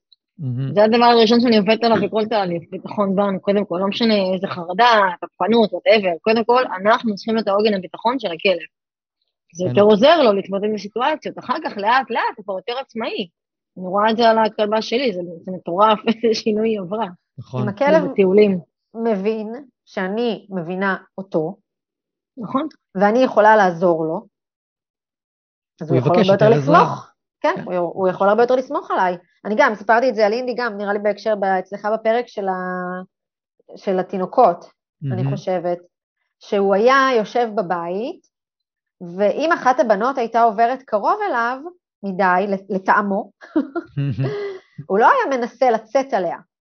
כמו, ש, כמו. שכלב, כן, כמו שכלב, בואו, כלב סופר תוקפני, כלב שתקף אותנו בבית, כלב ששונא אנשים, שונא כלבים, שונא תינוקות, שונא את העולם, תוקף את כולם. הדבר הטריוויאלי עבורו לעשות לכאורה זה לתקוף את הילדה שכרגע נכנסה למרחב שלו, אבל הגעתי איתו לכזאת רמה של תקשורת ושל הבנה שהוא לא, לא יוצא עליהן. הוא היה, הוא היה, עושה, הוא, אני זוכרת, הוא היה יושב, ואז הוא היה מרים את הראש, הוא היה עושה מין כזה, כזה, כאילו, איפה את?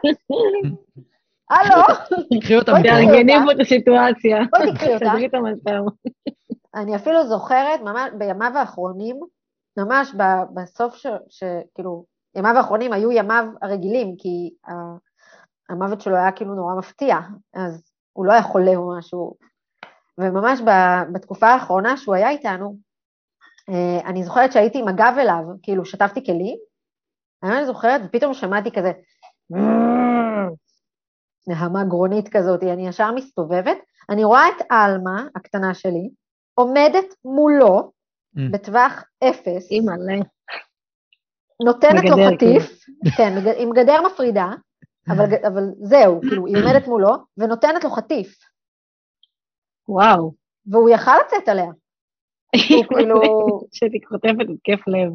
אבל, אבל הוא לא, הוא בחר לעשות את זה, ואני הסתובבתי אחורה, סגרתי את הברז, אני זוכרת, אמרתי לו, אינדי, אני באה לעזור לך, והוא פשוט עמד ככה, הוא לא ידע איך להתרחק, הוא לא הצליח להוציא את עצמו לבד מהסיטואציה, אבל הוא, הוא פשוט עמד, הוא הפסיק לנהום, והוא פשוט עמד וחיכה, ואני פשוט באתי והזזתי אותה משם. כאילו, יואו. באמת הגענו לרמות מאוד, אה, מאוד גבוהות. שבהן הוא אומר לי שמשהו מפריע לו. וזה מה שאנחנו רוצים להגיע עם הכלב שלנו. נכון, לגמרי. כאילו אנשים אחרים, כל מיני אילוף של פעם, היה אומר לי, מה הוא נוהם? אסור שהוא ינהם על הילדה. למה אסור? זו ברכה. כן. אוי, אלוהים.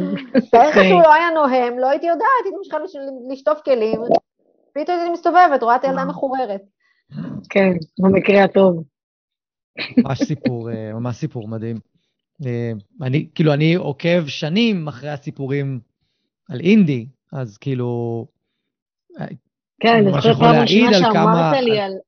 שאמרת לי שיש עוד מישהי כמוני, אמרתי לך, מה? יש עוד מישהי שהיא מאלפת ויש לה כלב שתוקף אותה? באמת? מי זאת? תכיר לי. זאת. קטע. כן, לא אמרתי שיש עוד כאלה. אז מה תכלס עוזר לגדל כלב רגיש? רשמנו לנו לעצמנו פה איזה ארבע, ארבע דברים שככה עוזרים. מה מבחינתכן הדבר הכי חשוב? יואו, יש... אה, איפה להתחיל? מוטיבציה אה, פנימית. קשר אה, עם הכלב. אני אזרוק לכם רגע. חיזוק הקשר והאמון עם הכלב. אוקיי. אוקיי. בסביבה סביב- תומכת. זהו, אני רוצה שנתעכב רגע על סביבה תומכת. מה זה אומר סביבה תומכת? כי יש גם סביבה לא תומכת. אני אתן את הדוגמה שלי, אני בטוחה שגם לגל יש אין סוף דוגמאות. אה, תראו, אצלי זה התחיל ב... היא הייתה גרורה, וזה הכי לא טריוויאלי בעולם שגרורה מאיימת לי על, ה... על, ה... על חופש תנועה בבית. אה, ובאמת אה, גם ההורים שלי, אחיות שלי, אה, במיוחד האחות הקרובה אליי, אה, וחברות אמרו לי, what the fuck, תעיפי אותה מהבית, כאילו, מה את צריכה את זה? והיו גם כאלה שהיו יותר סלחנים, אמרו לי, את צריכה להחליף את הגישת אילוף. אני באמת כמעט עשיתי את זה.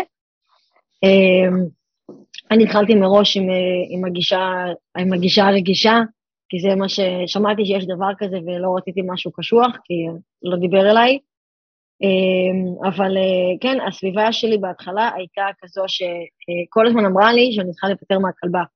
ולך תיפטר מכלבה קורה שתוקפת את כל העולם ואותך, כי באמת אין, אין אה, באמת מי שמחכה לכלבה כזאתי. אה, אני, אני, אני אודה שבאמת היו לי ניסיונות של חיפוש בית ואימוץ, אתה, אתה גם יודע את זה טוב מאוד, כי היית בתמונה. כן. עד שבסוף אמרתי, טוב, זה, זה לא יקרה כבר. אה, אז הסביבה שבאמת כל הזמן הורידה אותי, במקום אה, אה, כן לנסות ולתמוך ולהבין שאוקיי, זה המצב, היום המצב אחרת, ובאמת אנשים רנדומליים שהם לא מהמשפחה שלי, כאילו חברים שכאילו התאספו לחיי וכאילו היו לא תומכים, אותם נפנפתי עד היום, הם לא היו חלק מהחיים שלי. אם אני אכיר בחור והוא יגיב עליי בצורה שכאילו הוא לא מקבל את הכלבה שלי וזה שהיא חלק מהחיים שלי, הוא לא יהיה חלק מהחיים שלי, זה לא, זה לא יקרה, לא יכול לקרות היום. אמ, אבל הסביבה התומכת הקרובה שלי למדה שהיא חלק אה, בלתי נפרד, והיום אימא שלי בעצמה כבר שואלת מה שלום הכלבה, וקוראת לה הנכדה שלי, שבעבר רק העזתי להגיד הנכדה והיא התערערה מזה, כן? אבל היום זה כבר בפאזה אחרת, כבר הבינו שזהו, היא חלק מהחיים שלי, עם הקשיים ואין מה לעשות. אמ, אפילו זה הגיע למצב שמבינים שרק כשיש לי מקום בפנסיון, אני יכולה לבוא לסופש. Mm. כאילו, אשכרה ככה, וקובעים את זה בפנסיון אה, כאילו קדימה, כי הפנסיון גם ככה עמוס, אבל uh, היום זה ממש כאילו מקום אחר. אבל uh, בעבר זה היה באמת משהו שנורא קשה, ואתה נורא מושפע מזה. אי אפשר שלא להיות מושפע מזה. אני באמת חושבת שחלק מזה שהתקשרתי למאלף מסורתי, וחלק מזה שחיפשתי פתרונות אחרים בשב"ס, היו בגלל שהסביבה הייתה לי מאוד קשה. כאילו אמרתי, אוקיי, אם כל כך הרבה אנשים אומרים לי שאני לא אוכל לחיות עם הכלבה הזאתי, והעתיד שלי הולך להיות שחור, אז אולי הם צודקים. ואני צריכה אולי לחפש לה פתרונות אחרים. ואני גם אה, אה, מודה שהיום אה, זה כבר פחות, אבל כן, הייתה לי המון שנים את העננה הזאת מעל הראש, אני יודעת שבאיזשהו שלב, אם משהו מאוד קיצוני יקרה עם מוקה, ואני צריך אה, למצוא פתרון. זה לא, יהיה, זה לא יהיה בית, אין בית שיקח אותה, זה רק יהיה המתה. וזה משהו שהייתי חיה איתו המון שנים, בתחושה נורא כבדה ואפלה. Uh, היום אני כבר פחות חושבת את זה, כי יש לי כבר יותר כלים, והמצב של האחר, ואני אדע להתמודד, אני רוצה להאמין שאני אדע להתמודד עם כל מה שיקרה. אבל uh, הסביבה, הגרעיל הקרוב שלכם, שהם לא תומכים בכם, זה מאוד יכול להקשות את התהליך שלכם עם הכלב, בכלל ב- ביכולת ההכלה של הכלב, כי זה מאוד מאוד משפיע, במיוחד שזה האנשים הכי קרובים אליכם.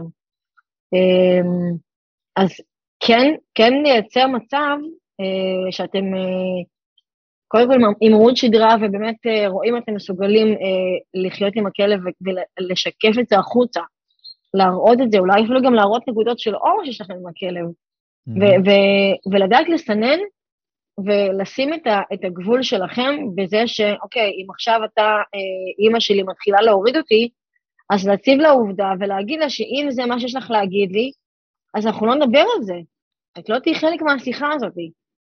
זה דוגמה למשל, אני מודה שלא צריכה לעשות את זה, אבל uh, הדברים האלה כאילו קרו מעצמו, כי uh, מי שמכיר אותי מקרוב, ושניכם מכירים אותי מקרוב, יודעים שכשאני מחליטה משהו, uh, ומישהו מפריע לי בדרך, אני שמה לו כאילו ברקס. אני קובעת עובדה, אני קצת בוטה, אוקיי? אה, בגרעין הקרוב שלי אני יכולה להיות בוטה ולהגיד, אוקיי, הכלבה איתי כל החיים, כאילו, זה, זה נתון, זה לא ישתנה, אז הם הבינו שזה המצב. הם הפכו להיות תומכים במקום הפוך. זהו, אני אה, חושבת שזהו, אה, דבר ראשון, יש סביבה שאפשר לנפנף, ויש סביבה נכון. שאי אפשר לנפנף. כי את אימא ואבא והאחיות, והילדים והבן זוג או בת הזוג, זה קצת יותר בעיה לנפנף. אז... לא, במקרה שלי הם לא ייכנסו לחיים פשוט. לא, נכון, בסדר, הם עוד לא, זה, אני מדברת על אנשים שכבר קיימים, שכבר בח, קיימים בחיים. אז זה כאילו קצת יותר בעיה לנפנף. אה, אבל כן, סביבה, דבר ראשון חשוב להבין על האנשים האלה, הסביבה הלא תומכת הזאת, חשוב להבין שהם מתנהגים ככה כי הם דואגים לנו. נכון. אמ, זאת אומרת, הם אומרים את כל הדברים המעצבנים האלה, את תמסרי את הכלב ולמה צריכה את זה וטה טה טה, כי, כי הם דואגים לך, כי הם רוצים שלך יהיה טוב בחיים. ואני אמרתי את זה גם קודם, לפני שהתחלנו את ההקלטה, שיש איזושהי תרבות, זה גם משהו שאנחנו צריכים להבין, יש איזושהי תרבות היום של פתרון בעיות, אוקיי? כי אם אני עכשיו באה לחברה טובה ואני מספרת לה שיש לי קושי עם הכלב הרגיש שלי, ועוד פעם קמתי היום בחמש בבוקר כדי לטייל איתו לפני שכל העולם יוצא, וגם אז הוא מצא מישהו להתפרץ עליו, ואני מספרת לה כי היא חברה טובה שלי, וכי אני מספרת לה דברים שקורים לי בחיים, היא מרגישה צורך לפתור לי את זה, אוקיי? זה, זה, זה מין סגנון תקשורת כזה, זה, זה, כן. זה תרבות כזאת שיש היום. אנחנו תמיד, תמיד צריכים ללכת לפתרון, אוקיי, אז תעשה ככה וככה וככה וככה וככה, אז תמסרי אותה. אז, אה, אז, אז אה, למה את צריכה את זה? אז אה, שלא יעשה ככה. ישר קופצים לפתרונות, כאילו לספק לנו את הפתרונות, ואני לא רוצה לשמוע את הפתרונות, זה לא מה שאני צריכה לשמוע ממך, חברה טובה שלי. מה את כן צריכה לשמוע? אל תתני לי את הפתרון. מה את כן צריכה לשמוע? אז כל אחד לגופו, אבל אני מתארת לעצמי שמה שאנשים רוצים לשמוע זה, אני פה בשבילך. Mm-hmm. אני פה בשביל, יש איכשהו שאני יכולה לעזור לך. אני מאוד לא מסכימה ל, לרעיון שאת מגדלת את הכלב הזה עכשיו, אבל אני מבינה שזה נתון. אז האם יש איכשהו שאני יכולה לעזור לך? את רוצה אולי שנצא לשתות mm-hmm. קפה? את רוצה שנלך אה, לבלות? את רוצה לשבת, לדבר?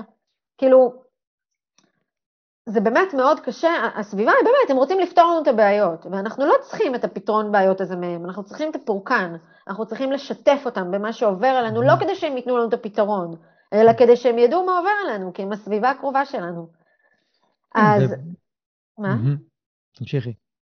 אז, מה ש... אז בעיניי, מה שצריך לעשות עם זה, ובאמת דיברתי על זה היום בפעילות שלי, אה, של סנסיטיב לאב, אמ, זה יכול באמת להיות, זה יכול ללכת לכמה מקומות. אמ, זה יכול או באמת ללכת למקום של למדר, של כאילו, אוקיי, זה הכלב שלי, זה מה שאני, ככה אני בוחרת לחנך אותו, אני לא מתכוונת למסור אותו, אם אין לכם משהו מועיל להגיד, אז באמת, אני לא אדבר על זה יותר איתכם, which is fine, אבל חשוב להבין שגם לדבר הזה יש השלכות, כי זה, זה כן ייצור אמ, איזשהו... התנגשויות. כן, זה ייצור התנגשויות, זה ייצור אה, פער ביניכם לבין הקרובים אליכם. Uh, עדיין יהיה איזשהו צורך שלא מקבל מענה, כי אתם עדיין צריכים לפרוק. וחשוב שגם האנשים האלה יבינו את זה, שיבינו את ההשלכות. אוקיי, יש עכשיו תחום שלם ומאוד מאוד אה, מהותי בחיי, שאני כרגע לא חולקת איתכם, סביבה קרובה ויקרה שלי, אז א', תדעו את זה, וב', אני כן צריכה למצוא את האנשים ש, שאני יכולה לפרוק איתם את זה. אז קבוצת התמיכה לבעלי כלבים רגישים זה נהדר, אבל זאת קבוצה שהיא כבר באמת מאוד מאוד גדולה, והיכולת שלה לאינטימיות אה, היא קצת פחות אה, אה, טובה, ואני מודה שגם אנחנו לפעמים אה, אה, נופלים. רגע, עשית ככה וככה, רגע, תעשי את זה, ניסית, ניסית לצאת איתו. גם אנחנו לפעמים, כי זאת קבוצה נורא גדולה ואנחנו לא מכירים. אני כן חושבת שלקשר הקרוב יש משמעות, אבל אפשר אולי באמת לחפש איזה באדי, איזה מישהו כאילו ש... שמתמודד עם כלב רגיש ועובר את אותם הדברים, ו- ולחלוק את זה איתו, אז זאת אסטרטגיה אחת. ואסטרטגיה נוספת זה לבוא לאנשים האלה שהם בסביבה הקרובה שלהם, שלנו, ליזום איתם את השיחה, לא לחכות שיהיה איזה, איזה משבר או איזה נקודת קיצון, שאז אנחנו מתלוננים ואז הם באים ופותרים לנו, אלא לבוא וליזום שיחה, ככה שוב, להיות פרואקטיביים, לבוא ממקום של, לא ממקום של לחץ וסטרס, אלא ממקום של בוא, בואי, את חברה טובה שלי, אני רגע רוצה לשים פה משהו על השולחן. אני כרגע, הכלב הזה הוא נשאר בחיים שלי, וככה אני בוחרת לגדל אותו. מה שאני צריכה ממך זה שבמקום שתתני לי את הפתרונות האלה ואת ההלקאות האלה, אני צריכה שתהיי שם בשבילי, אני צריכה ש... שתהיי הכתף שלי, אני צריכה שתעזרי לי לצאת מזה. את יכולה, את מסוגלת לעשות את זה. זה ככה משהו... אה, אני מודה שלא עשיתי את זה, את זה בדרך אה, פחות, כאילו, אני יותר, אה, אני יותר ממדרת, אבל אם אני מנסה עכשיו לחשוב רגע... אבל את גם מצאת, את מצאת, אבל את גם מצאת ערוצים אחרים. נכון. יש לך המון תמיכה אחרת שאת מקיפה את עצמך. נכון. אפשר, זו הנקודה להעלות אולי כנקודה אחרונה ככה לפני סיום, כי זה מתקשר מאוד למי האנשים שאנחנו יכולים לשתף אותם, אז במקום הזה, מי שמגדל כלב כזה, הוא חייב תמיכה מקצועית צמודה. לגמרי. ליווי לגמרי. מקצועי צמוד. אי אפשר, אי אפשר לעבור, אי אפשר לעבור את זה לבד, בלי תמיכה מקצועית. אי אפשר. לגמרי. זה, זה, זה, זה שמיים וארץ, הבדל של שמיים וארץ שעוברים את זה עם, עם תמיכה מקצועית ומטפל התנהגותי לעומת שלא. ואז גם נכנס העניין של אם המטפל ההתנהגותי הוא מספיק תומך רגשית, ואפשר באמת לספר לו ואפשר לשתף אותו, וכשעדיין אין לנו את הסביבה התומכת הזאת, יכול להיות שזה אנשים שהסביבה, כל הסביבה, לא תומכת ברעיון של לגדל כלב כזה, וכולם לוחצים לפתרונות של מסירה, או כל מיני פתרונות אחרים שהבן אדם לא מסכים איתם, ואנחנו המטפלים, האנשים היחידים כרגע על פני כדור הארץ שהם יכולים לדבר איתם. שקורה משהו והם יכולים לפנות אליהם, ובהודעת וואטסאפ לתאם שיחה, לפרוק, והם לא יקבלו אה, פן שיפוטי.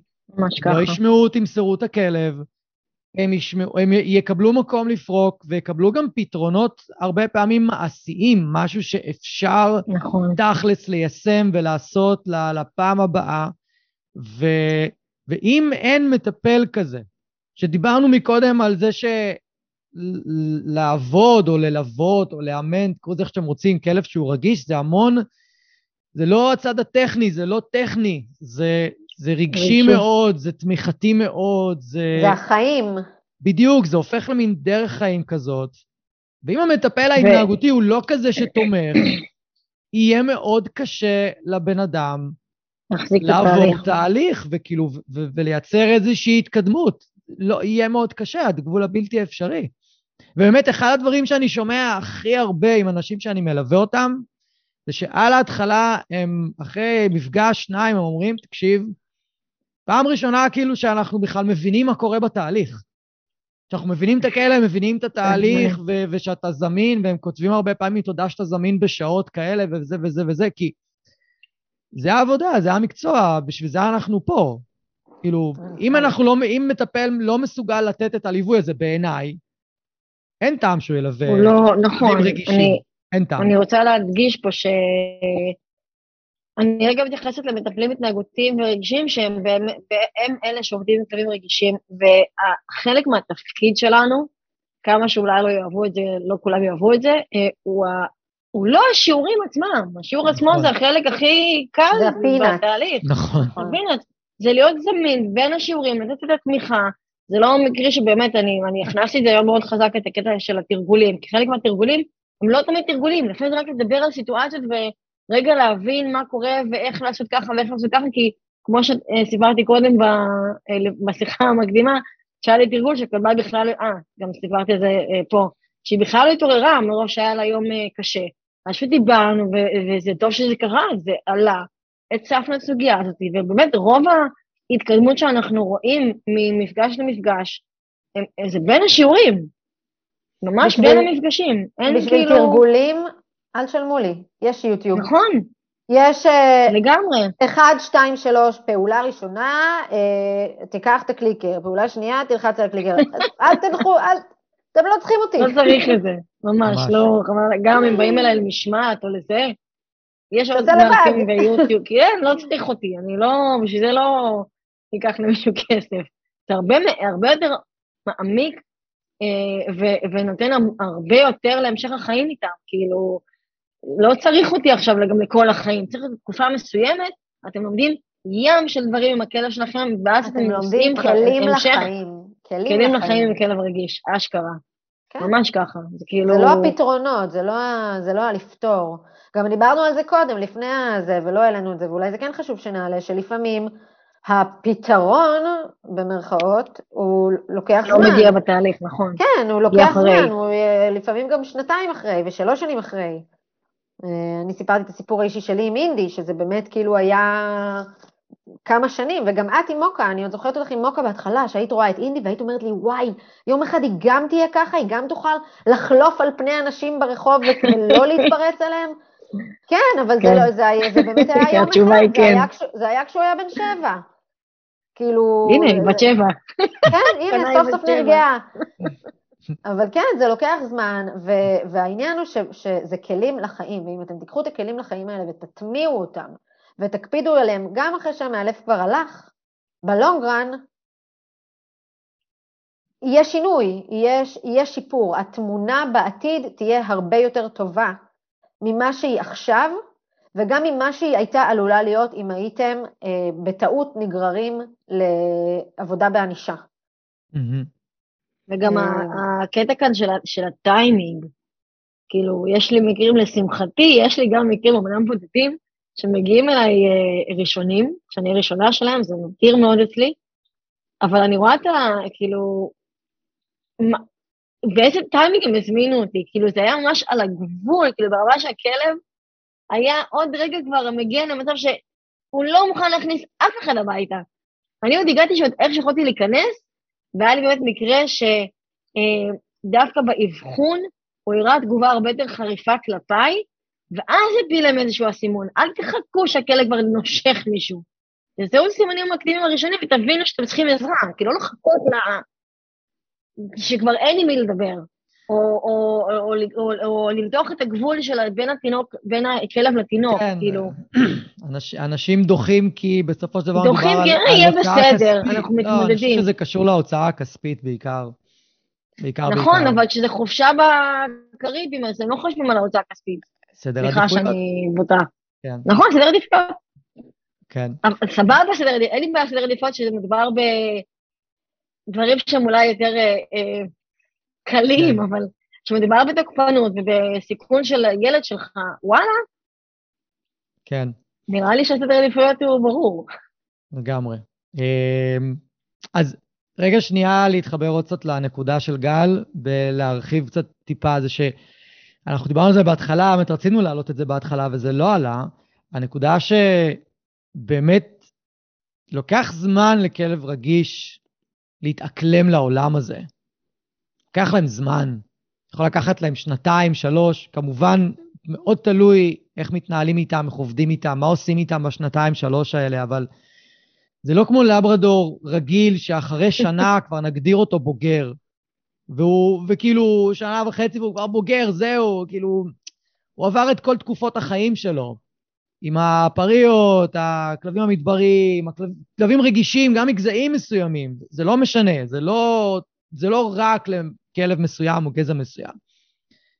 זה תהליך שהם עוברים עצמם באופן מאוד איטי של התאקלמות לעולם הזה. העולם כן. הזה מכניס אותם להלם. יותר מדי דברים להתמודד איתם, יותר מדי דברים שצריך להסתדר איתם, ו- והמון פחד, ולוקח זמן שהם פשוט יכולים לצאת החוצה לטיול, או להכניס אנשים בבית, כל אחד בעניין שלו, ופשוט להגיד לעצמם, אוקיי, זה לא כזה נורא, אני יכול להתמודד עם זה. אני אחיה. בדיוק, וזה באמת יכול לקחת שנתיים, שלוש, ויש את תקופת ההתבגרות לעבור, שזה גם פרק. ו... אז כן, אז זו הייתה נקודה טובה לסיים איתה. אתם רוצות אה, איזשהו מסר לסיום, משהו על הקבוצה, משהו ככה שחשוב לכם שידעו? גל, מה את רוצה, מה המסר? מה המסר? אמ, וואו, אה, רגע, רצים לי מלא מלא מלא... יש מלא מסרים, כן. הראשון, הראשון, הראשון שעלה לראש. הראשון, אה, כלבים רגישים, זה באמת מאוד מאוד קשה, זה לא פשוט, זה מורכב לגדל אותם. אה, אבל אם אתם, ואני ככה אמרתי קודם, ככה במשפט, אבל אם יש לכם רצון, אם יש לכם מוטיבציה פנימית, אם יש לכם אהבה כלפי הכלב הזה, אם אתם רוצים אה, לעזור לו אה, לחיות בעולם הזה, זה לגמרי אפשרי, זה אפשרי. זה אפשרי, נכון, זה יצריך מכם התאמות. אתם לא תוכלו להמשיך להתנהג כאילו שום דבר לא השתנה בחיים שלכם, או כאילו אימצתם, אה, לא יודעת, אה, לברדור אה, נוח, ואגב, גם לברדורים, by the way, כאילו, השנים הראשונות שלהם הם סיוט, כאילו, כן.